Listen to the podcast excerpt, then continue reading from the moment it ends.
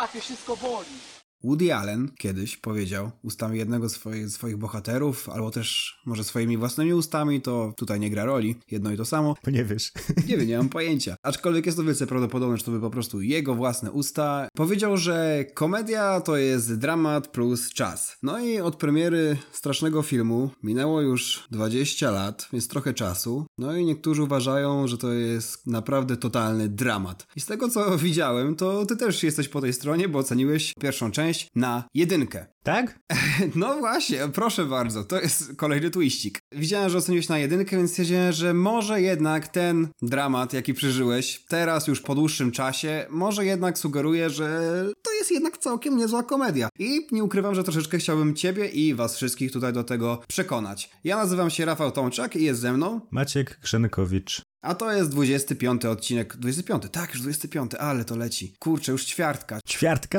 Nie, skończymy na setnym. No pewnie, że tak, to jest po prostu ten limit. No dobra. Powiem ci tak, ja myślę, że w przypadku strasznego filmu trochę to było inaczej niż w powiedzeniu Woody'ego Allena, ponieważ tutaj mam wrażenie, że dramat to jest komedia plus czas, bo ta komedia się tak źle zestarzała, że to jest kurczę dramat. Ale nie dałbym mu jeden w tym momencie. Wtedy to wynikało z moich tam snobistycznych generalnie poglądów na film i sztukę, które się trochę zmieniły, ale nie dałbym mu wiele wyższej oceny. Naprawdę? To wiesz co, kurczę, ja akurat w ogóle zupełnie, zupełnie jakoś mam inną perspektywę, to znaczy ja nie uważam, żeby ten film się źle zestarzał. Ważne jest tutaj natomiast to, że ja kilka odcinków temu powiedziałem, że on dla mnie ten film, seria właściwie, straszny film jest troszeczkę tożsama z Oszukać Przeznaczenia, dlatego, że to są właśnie e, lata 2000 i jakoś tak kojarzę właśnie, że to ten okres dorastania, że starsi znajomi pokazywali mi te filmy, to samo, natomiast tutaj jest, e, jest pewna różnica, dlatego, że jeżeli chodzi o serię Oszukać Przeznaczenia, no to tam, jak już ustaliliśmy, wszystkie te filmy są niemalże takie same. Natomiast w przypadku serii Straszny Film, to ja przynajmniej wychodzę z takiego założenia, że każda kolejna część jest coraz gorsza. I no nie sprawiają mi specjalnie jakiejś większej frajdy. Natomiast właśnie ta pierwsza część, bardzo mi zależało, żebyśmy mówili dzisiaj pierwszą część, z tego względu, że moim zdaniem ona właśnie się zestarzała całkiem dobrze, no i nadal mnie bardzo bawi. No nie wiem, no mnie nie bawi, plus mam wrażenie, że, ale tutaj będę jako jakiś social justice warrior występował, no kwestie obyczajowe to jest po prostu tutaj jakiś dramat. Dobra, do tego zaraz może przejdziemy, natomiast kilka słów wstępu, jeżeli chodzi o w ogóle o, o co chodzi w tym filmie. Mianowicie jest to oczywiście parodia, parodia y, horrorów, które w tamtych czasach były bardzo popularne. Przede wszystkim mowa tutaj o horrorze Krzyk. No i twórcy tutaj nie krygują się, to znaczy oni zżynają po prostu od pierwszej sceny tak naprawdę, czerpią pełnymi garściami z tych pozostałych horrorów i przekładają jeden do jednego niemalże sytuacje z tamtych horrorów właśnie na nasz nowy film. Z tym, że tutaj no jakby jest jakaś taka forma wyśmiania tych horrorowych schematów. Ja mam trochę takie wrażenie, że twórcy jednocześnie oglądali te wszystkie horrory i bardzo je kochają, ale jednocześnie po prostu chcą właśnie wyśmiać te schematy. No i to jest pytanie właśnie, czy ten rodzaj komedii nam się podoba, czy nie. No jest to taki rodzaj komedii typowy dla parodii, natomiast kurczę, no ja mam wrażenie, że w tym przypadku się sprawdza z tego względu, że po prostu bohaterowie tak standardowych horrorów nas zazwyczaj bardzo, ale to bardzo irytują swoimi zachowaniami, więc tutaj jak to jest tak podprowadzone w taki sposób, że, że, że się śmiejemy z tych właśnie zachowań, dlatego że ci bohaterowie są jeszcze głupsi, a tak naprawdę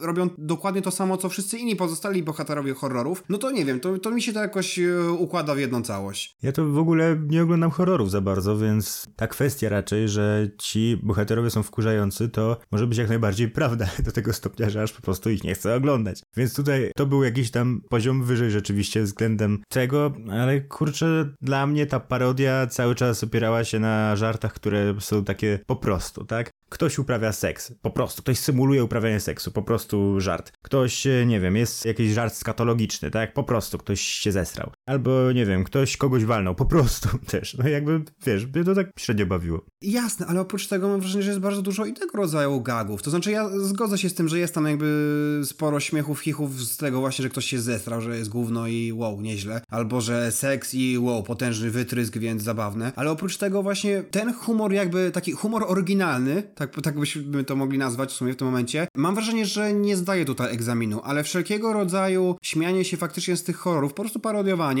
wydaje mi się całkiem udane, dlatego że no uwypukla te wszystkie wady horrorów, to z czegoś właśnie się najbardziej śmiejemy, to czego nie lubimy, a dodatkowo wydaje mi się, że twórcy się tutaj bardzo fajnie bawią konwencją, dlatego że, no nie wiem, wydaje mi się, że w dosyć absurdalny i taki niespodziewany sposób nagle pojawiają się żarty. To znaczy chodzi o to, że twórcy łączą różne sytuacje, sytuację właśnie znaną z horrorów albo z filmów, nie wiem, detektywistycznych i potem wsadzają w to jakąś inną sytuację. Przykładowo jest taka scena, gdzie policjant pokazuje zdjęcia jednej z bohaterek, jak ocenia te zdjęcia i normalnie my domyślnie myślimy o tym, że wiadomo, że to będzie jakieś, nie wiem, czy, czy zna tych ludzi, czy zna tych świadków, a on pokazuje swoje zdjęcia w bieliźnie. No i jakby to jak się o tym mówi na głos, no to to nie jest specjalnie zabawne, natomiast wydaje mi się, że gra aktorska jest na tyle autentyczna, że my się tak bardzo spodziewamy czegoś innego, że faktycznie ten absurd sytuacji, kiedy nagle widzimy bohatera w swojej bieliźnie, zamiast, nie wiem, zdjęć świadków czy zdjęcia ciała, no to faktycznie zaczyna to bawić, przynajmniej mnie. Ten akurat element rzeczywiście też mnie bawił. No i wypisałem sobie też, żeby oddać sprawiedliwość, parę jakichś tam scen, przytoczę jedną po prostu, która rzeczywiście jakoś tam mnie e, urzekła i to była konkretnie właśnie kwestia tego, że to jest parodia, która bawi się też bardzo przełamywaniem tej czwartej ściany. I o ile no e, czasami to nie jest dla mnie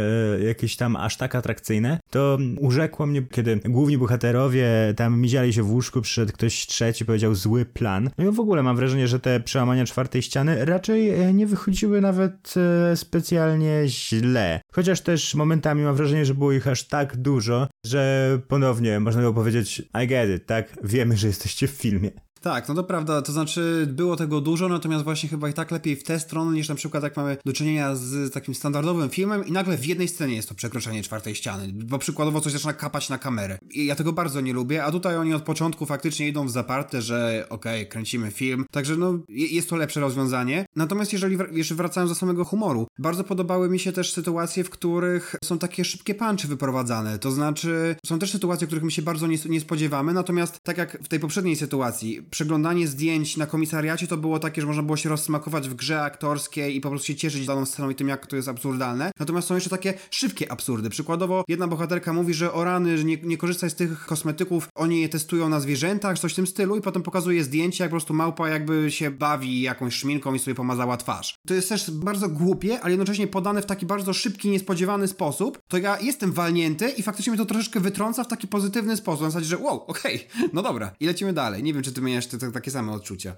Miałem trochę podobne odczucia, to, to też zauważyłem, to było całkiem w porządku, ale konkretnie nawet mam wrażenie, że twórcy rzucają tak mimochodem trochę tak bardzo szybko, albo tak niezauważalnie nawet te żarty, również w inne sposoby, co też właśnie jakoś tam jest ciekawsze, kiedy one są podane w taki sposób, który nie, nie, nie mówi nam całym sobą, że wow, jestem żartem. Tak, ale na przykład jak byli w stołówce i w, momencie, w pewnym momencie był rozmazany napis w tle, dzisiaj co jest do zjedzenia, same old shit, na tablicy obok more same old shit, tak? I mnie to rozbawiło całkiem, rzeczywiście oczywiście. I to właśnie mam wrażenie, że zadziałało dzięki temu ukryciu i dzięki tej nienachalności. Tak, no to jest prawda, że tam często coś można użyć właśnie na drugim albo, albo trzecim planie i to jest też duża zaleta tego filmu. No i ja też e, lubię wszelkiego rodzaju sceny, gdzie tak naprawdę mamy do czynienia z takim make-offem horroru, to znaczy, że, że mamy perspektywę trochę zabójcy i to jak on się zachowuje, przykładowo jak się chowa za drzewo, kiedy jedna bohaterka patrzy on stoi i potem ona odwraca wzrok i patrzy jeszcze raz, a jego tam nie ma, bo on się zdążył w tym czasie podbiec i schować za drzewo.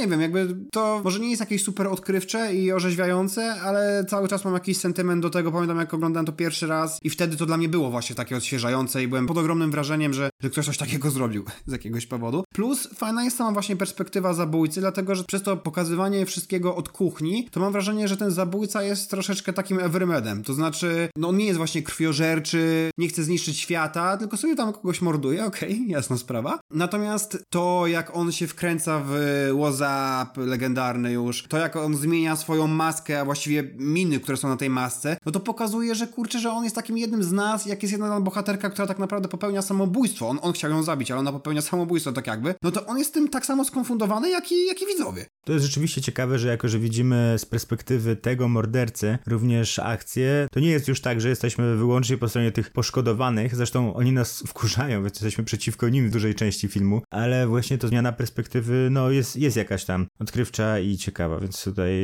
jestem za. No i oczywiście nie można uciec po prostu od tego, że, że ten film czerpie właśnie garściami z pozostałych filmów. Oprócz horrorów tam jeszcze jest Matrix, jest film Podejrzani. Pod koniec jest taka scena z kubkiem, jak Anna Faris bierze kubek po prostu i jakby wiadomo, że ten kubek musi jej wypaść z dłoni, ale ona po prostu go bierze z nad stołu specjalnie na ziemię i to jest tak teatralnie przerysowane i ona upuszcza ten kubek, no nie wiem, bardzo lubię tego rodzaju zabiegi i w ogóle swoją drogą jestem ogromnym fanem Anny Faris tej serii. Ona właśnie w przeciwieństwie do serii Oszukać Przeznaczenie, no tutaj jest ta jedna bohaterka, która po prostu trochę definiuje ten cały cykl, dlatego że pojawiła się chyba w czterech częściach i ona, mam wrażenie, w ogóle dobrze oddaje klimat filmu, mianowicie jest taka trochę głupiutka, ale trochę urocza, mam wrażenie, że jest lepsza aktorsko niż można byłoby się spodziewać. No nie wiem, dla mnie to jest taka prawdziwa twarz tej serii. Dla mnie tutaj również warto zwrócić uwagę na postać Shortiego, który jakoś tam jest bardzo sympatyczny i chyba jest jedną z tych niewielu osób, które rzeczywiście nie denerwują nas podczas oglądania filmu.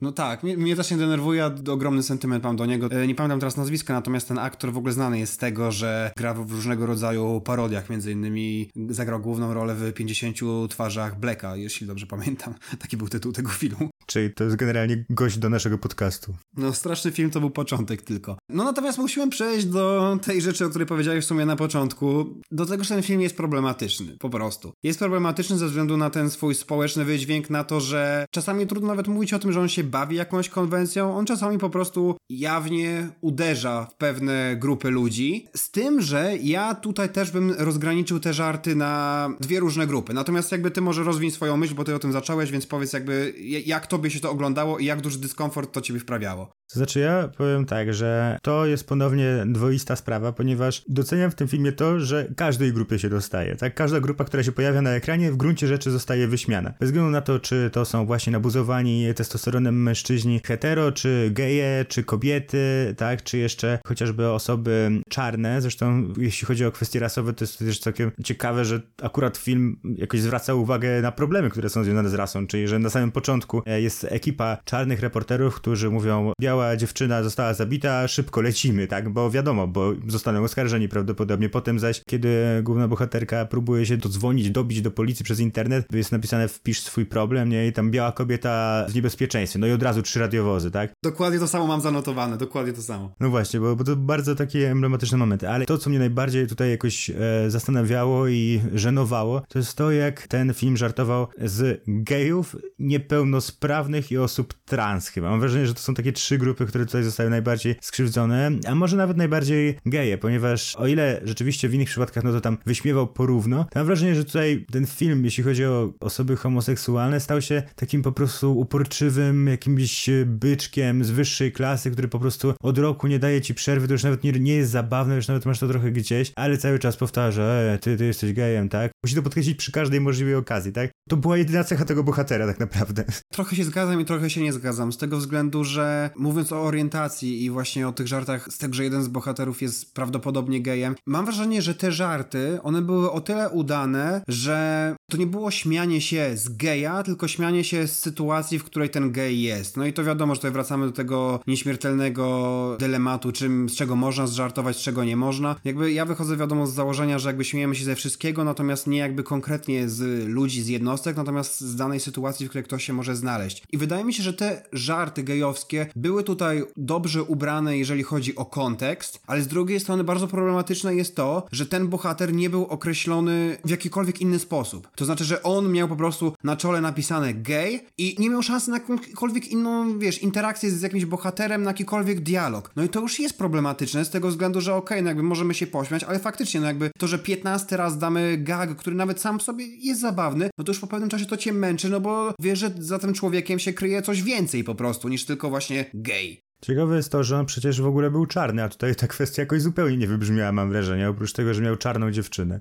Tak, no to prawda. Natomiast tak jak powiedziałeś, jeżeli chodzi o te kwestie rasowe, to moim zdaniem one są tutaj ograne bardzo fajnie i wszelkiego rodzaju właśnie żarty, te o których ty powiedziałeś, dają takie świeże spojrzenie. To, no to White Woman in Trouble to jest dla mnie kwintesencja tego, to znaczy teoretycznie się śmiejemy, ale tak naprawdę rzucamy jakiś komentarz społeczny i moim zdaniem to wychodzi bardzo dobrze. Natomiast ja osobiście mam zdecydowanie, ale to zdecydowanie największy problem ze śmiania się z osoby po prostu z niepełnosprawnością umysłową. To znaczy nie jestem w stanie znaleźć znaleźć niczego na obronę takiej decyzji. To znaczy, te żarty ani nie są śmieszne jako jakieś tam żarty, bardzo spłycają postać tego, tego chłopaka. Oczywiście jakby nie ma szansy na to, żeby, żeby ta postać zaistniała w jakimkolwiek wymiarze niż właśnie ten wymiar, gdzie o, śmiejemy się z chorego i jakby tam nawet nie ma żadnego podprowadzenia pod te żarty, tylko po prostu jest śmianie się z tego, że on jest chory. No i to jest ogromny minus tego filmu, mam wrażenie, że największy. No zgadzam się e, tutaj, no, też nie mam w ogóle niczego na usprawiedliwienie tego. Co jest jeszcze dziwne dodatkowo, to jest to, że jakby ten cały plot twist na samym końcu, który w ogóle się zupełnie zgrywa z logiką, no ale to już nieważne. Ten plot twist, przepraszam,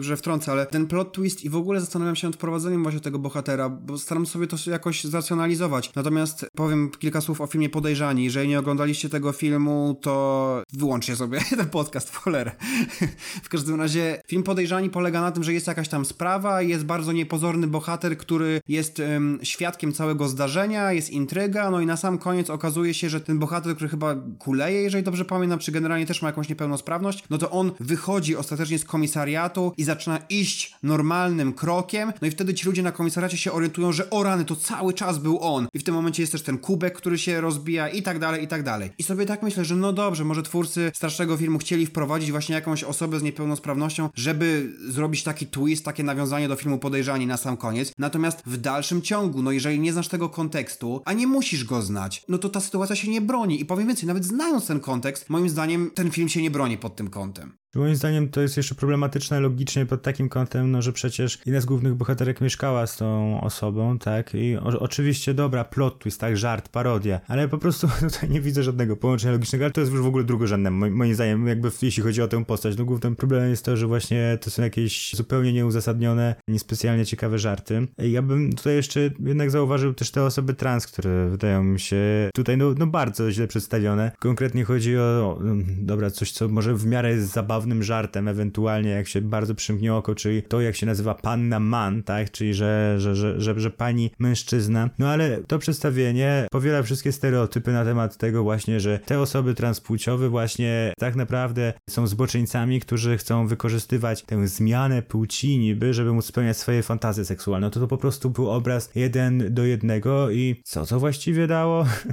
Nic. Dla mnie jest to właśnie o tyle zastanawiające, że ten film, no bo okej, okay, zawsze może być, a parodia, głupie żarty, no ale nie, no to nie jest usprawiedliwienie. Poza tym ten film sam wyrządził sobie krzywdę, że przynajmniej moim zdaniem tak dobrze rozegrał właśnie kwestie rasowe. To znaczy jednocześnie się śmiał, po prostu były tam żarty dotyczące właśnie e, rasy pochodzenia, natomiast no było to moim zdaniem zrobione ze smakiem po prostu. To znaczy jest komentarz społeczny, jest żart, gra to jakoś fabularnie. Natomiast pozostałe kwestie, no, no nie wiadomo, no jakby to są ci sami ludzie, którzy robią, byli odpowiedzialni za te wszystkie sceny, a jest taki dysonans w odbiorze po prostu jednych i drugich scen. No niestety, niestety jest tutaj jakaś duża różnica i zastanawiam się, z czego ona wynika. No ja powiem tak, jeżeli chodzi o straszny film, to mam duży problem dlatego, że mam wrażenie, że czasami naprawdę, naprawdę inteligentne i zabawne żarty, czy takie społeczne, czy związane właśnie z kopiowaniem po prostu schematów charakterystycznych dla horrorów. I to ci daje tak ogromną frajdę, chcesz więcej tylko po to, żeby dosłownie scenę później sprowadzili to na tak dramatycznie niski poziom, że wiesz, że, no, że człowiek po prostu ma ochotę wyłączyć ten film, aczkolwiek troszeczkę oczywiście przez sentyment, przez nostalgię,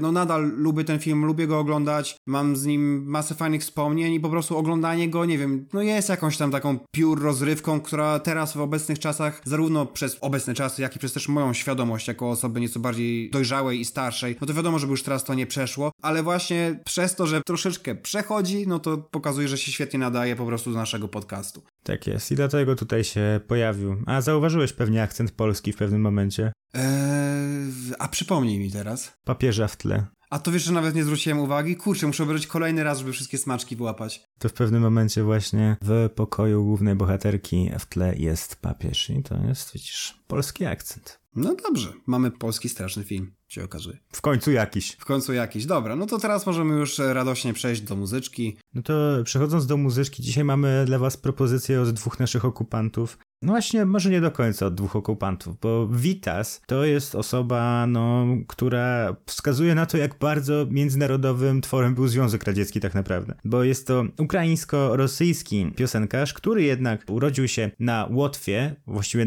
w sowieckiej Łotwie jeszcze. Ma pochodzenie żydowskie, no ale karierę największą zrobił w Rosji, a teraz rozmawiamy o nim w Polsce, bo jest znany na całym świecie za sprawą swojego singla, swojej piosenki Siódmy Element. Przetłumaczyłem na polski, ale chyba wiadomo o co chodzi. A jeśli nie wiadomo o co chodzi, to wyobraźcie sobie młodego Putina, który śpiewa w dyskotece z dwoma gwiazdami na czole i w przebraniu z folii i wtedy chyba już wiecie o co chodzi. Siódmy element albo seventh element, jak to jest najbardziej znane w internecie, no to jest kultowa piosenka, która stała się memem Jeżeli Vitasa jeszcze nie znacie, to możecie równie dobrze napisać, nie wiem, Creepy Guy na YouTubie. Jestem przekonany, że wyskoczy dosyć, dosyć szybko. Tak, zaraz po naszym podcaście. W każdym razie ty miałeś okazję na pewno już słuchać Vitasa i chyba go lubisz. To znaczy, ja powiem tak, ja zawsze jak słucham tego utworu, to myślę sobie o tym, że jakbym poznał jakąś osobę, która nie znała internetu, jakimś cudem, ale nie znała internetu i mogę z nią o tym internecie pogadać i pogadać o YouTubie i pogadać o tym, co na tym YouTubie jest, to wiem, że po prostu w pewnym momencie przyjdzie pora na Vitasa. I dla mnie to mówi bardzo wiele o, o, o tym utworze,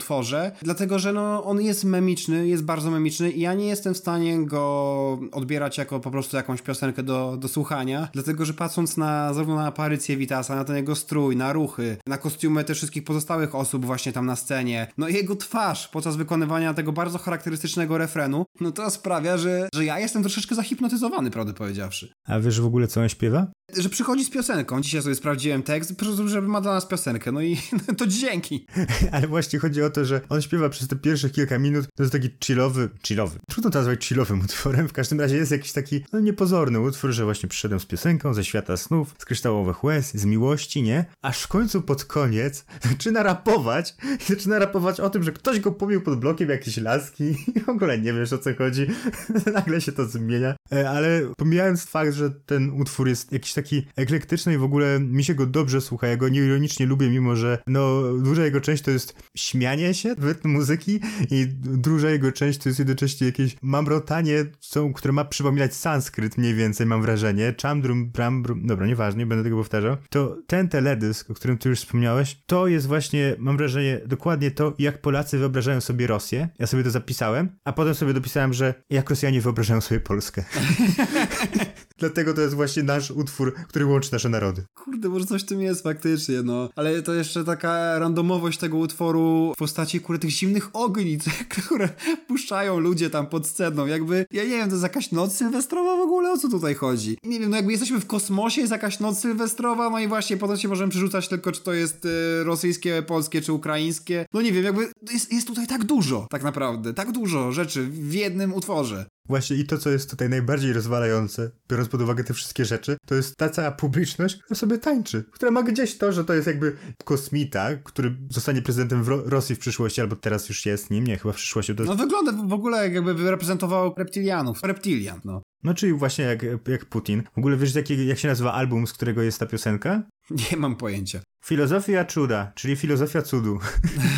no ta piosenka to cud, no. Jakby był jeden utwór, który miałby powiedzieć, co to jest postmodernizm, to bym chyba to wybrał. Ja jeszcze lubię ten komentarz, to też muszę jak zwykle przytoczyć jakiś komentarz z dużą ilością lajków na YouTubie, czyli Why don't you play with the kid next door? The kid next door, dwukropek. I sobie ja wtedy odpalam właśnie Vitasa z tym językiem na wierzchu, jak nim rusza i, i to jest piękne i to już mówi wszystko. To jest dobro narodowe wielu narodów. No dobrze, no to teraz czas się przenieść w takim razie na zachodnią stronę. I co będzie utworem, który teraz zaproponujemy? Będzie to utwór Du hast den schönsten der Welt. To jest utwór, który znacie na pewno, znacie ten bicik. On jest wykonywany przez Alexa Christensena i wokalistkę o pseudonimie Jas. Jas pisane z myślnikiem jako Y, myślnik, As. Jest to o tyle istotne, że jest to po prostu piosenka o tyłkach. Jest to piosenka o tyłkach, którą ja zapamiętałem z tego, że jak byłem młody, a właściwie młody, jak byłem mały, to leciała sobie ta piosenka na jakiejś Vivie, w telewizorze, głośno się jej słuchało, ale jednocześnie już wtedy, jak byłem taki młody, to ktoś mi powiedział, że jest to piosenka o tyłku i tak podświadomie, wiesz, była taka ekscytacja w stylu, że uh -huh, tańczymy sobie fajny, fajny bicik, coś tam,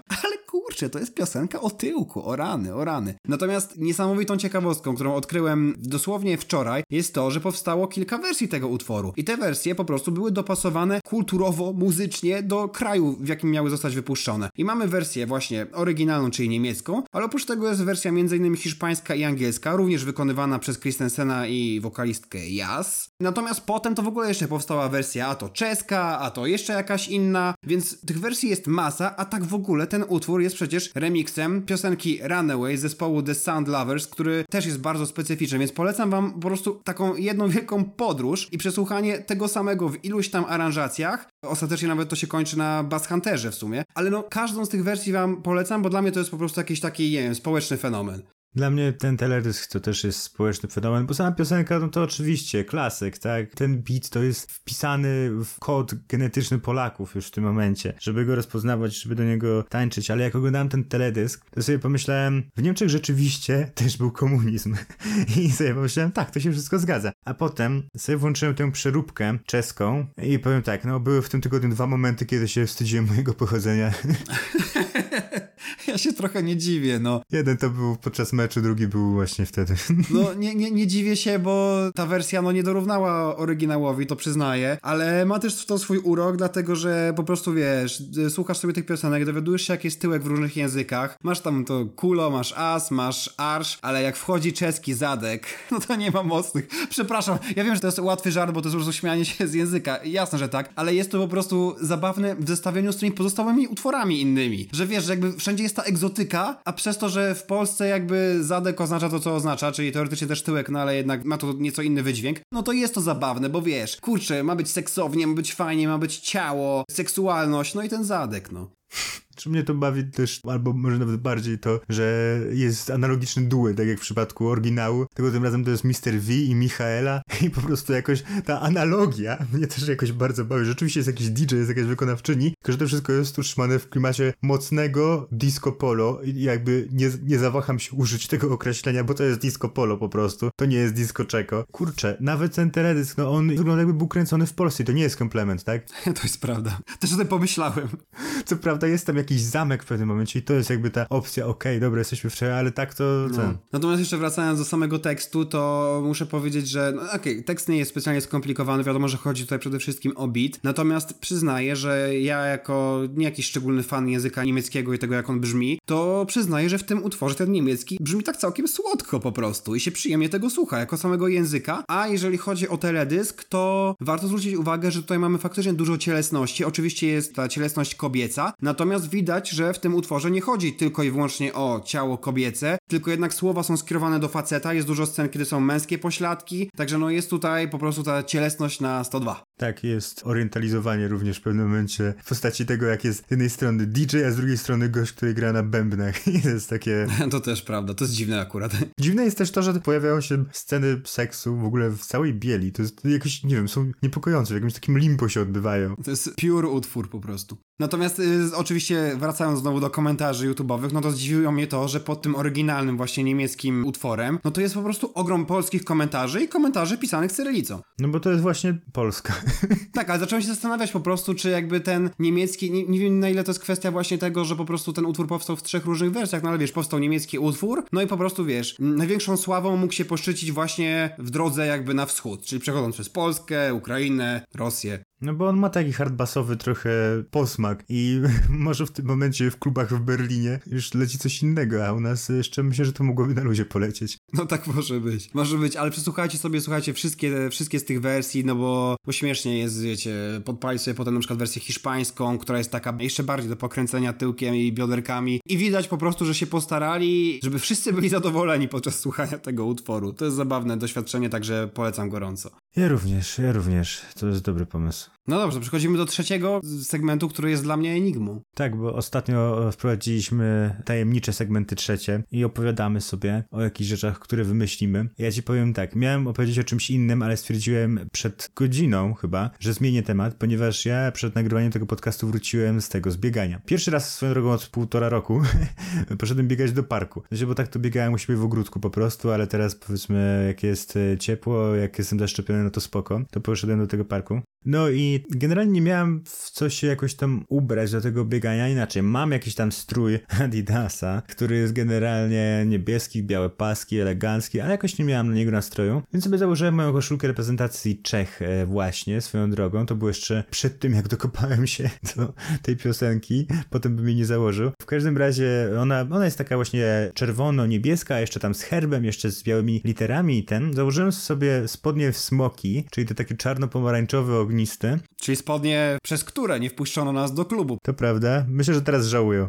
No i generalnie założyłem jeszcze długie atletiki z Happy Socksów i moje buty Nike, które są również niebiesko-zielono-pomarańczowe. I miałem jeszcze nerkę, taką jaskrawo-neonowo-zieloną na telefon, żeby mi nie wypadł. I na Wixapol, cyk. Właśnie ja totalnie wyglądałem, jakbym szedł na Wixapol albo nie wiem gdzie. W każdym razie wyglądałem jak wszystkie kolory tęczy trochę. Wszystko było na mnie, wszystkie kolory. I jakby nie, nie czułem jakichś tam mega rzeczy, że nie wiem, że ktoś tam się patrzy czy coś, no bo ludzie biegają jednak w dziwnych strojach, poza tym, że jakieś dzieci się bały i odbiegały autentycznie. Ale to chyba z powodu tego, że po prostu biegłem. Zobacz, mi przenoszą piłki, a od ciebie kurwa uciekają.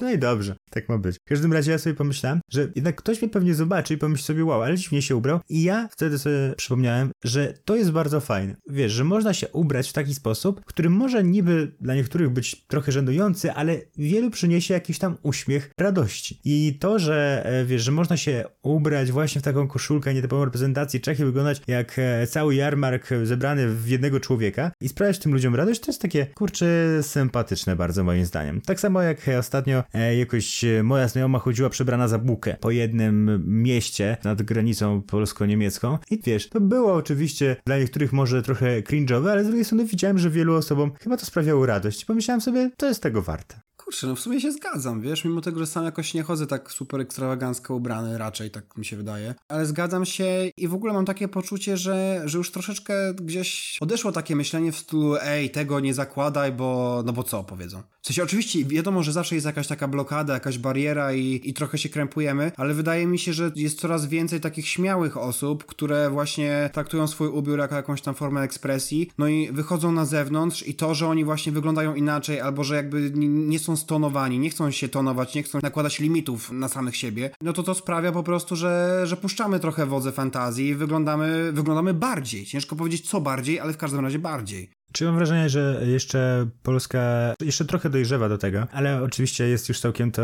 w sumie rzeczywiście nieźle rozwinięte. Znaczy, jak byłem w Wielkiej Brytanii dwa lata temu, no to wiadomo, że oczywiście tam również są jeszcze inne normy dotyczące ubioru. No i tam kolorowe ubrania są jeszcze mniej jakoś tam e, szykanowane. U nas szykanowane. U nas nie są szykanowane, ale czasami mam wrażenie, że jeszcze jest taka norma pewnego stonowania w ubiorze, czy to jeśli chodzi o na przykład zakładanie bardziej, nie wiem, czarno-białych czy burych e, ubrań może bardziej wśród, e, nie wiem, milenialsów niż tam młodszych osób. No, ale na przykład w takiej Rosji to jeszcze bardziej jest to stonowane. Jak wróciłem raz z Rosji i jechałem w WKD, to jakby mimo, że w samej Rosji nie czułem takiej dużej różnicy między tym polskim sposobem ubioru i rosyjskim, to jak wróciłem, to zobaczyłem te kolory i pomyślałem, okej, okay, jest jednak trochę, trochę zmiana. A pomyśl sobie, że w jakimś sensie historia zatoczyła takie malutkie, malutkie bo malutkie, no ale koło. Z tego względu, że przecież po upadku komunizmu też to wszystko było takie rozdmuchane, że miało być, wiesz, bardziej. Właśnie miało być wszystko bardziej kolorowe, ekstrawaganckie w ogóle. I to się wydarzyło, po czym znowu przycichło i teraz zobacz, że znowu jest ta tendencja wzrostowa. I to jest dla mnie ciekawe, że po prostu, że dla nas to się wydaje, że on także Polska jeszcze jakby nie dorosła do tego, żeby właśnie móc puścić wodze fantazji i żeby ludzie się ubierali po prostu tak jak chcą. A w jakimś sensie już to mamy za za sobą, tylko potem znowu przyszła kolejna fala czegoś innego i teraz znowu do tego wracamy. I to się non-stop powtarza. Tak, no mam wrażenie, że w pewnym momencie po prostu na zachodzie jednak odejdzie się od tych kolorowych ubrań, znowu wróci się do stonowania, do minimalizmu i wtedy w Polsce właśnie będzie taki duży rozkwit tego ponownego niestonowania się i tak dalej. No ale po prostu tak to działa, tak, tak działają trendy. Tak działają trendy, tak działa moda, coś co kiedyś było ciągle do nas wraca, potem się powtarza i tak to się kręci, no. It is how it is. It is how it is. Więc ćwiartka za nami, wiecie jak to uczcić i co, słyszymy się za tydzień. Siema. Siema. W naszym jinglu usłyszeliście utwór Le Grand Chase w wykonaniu Kevina MacLeoda. Wystąpił w nim oczywiście również Paweł Jumper, a realizował nas Filip Markiewicz.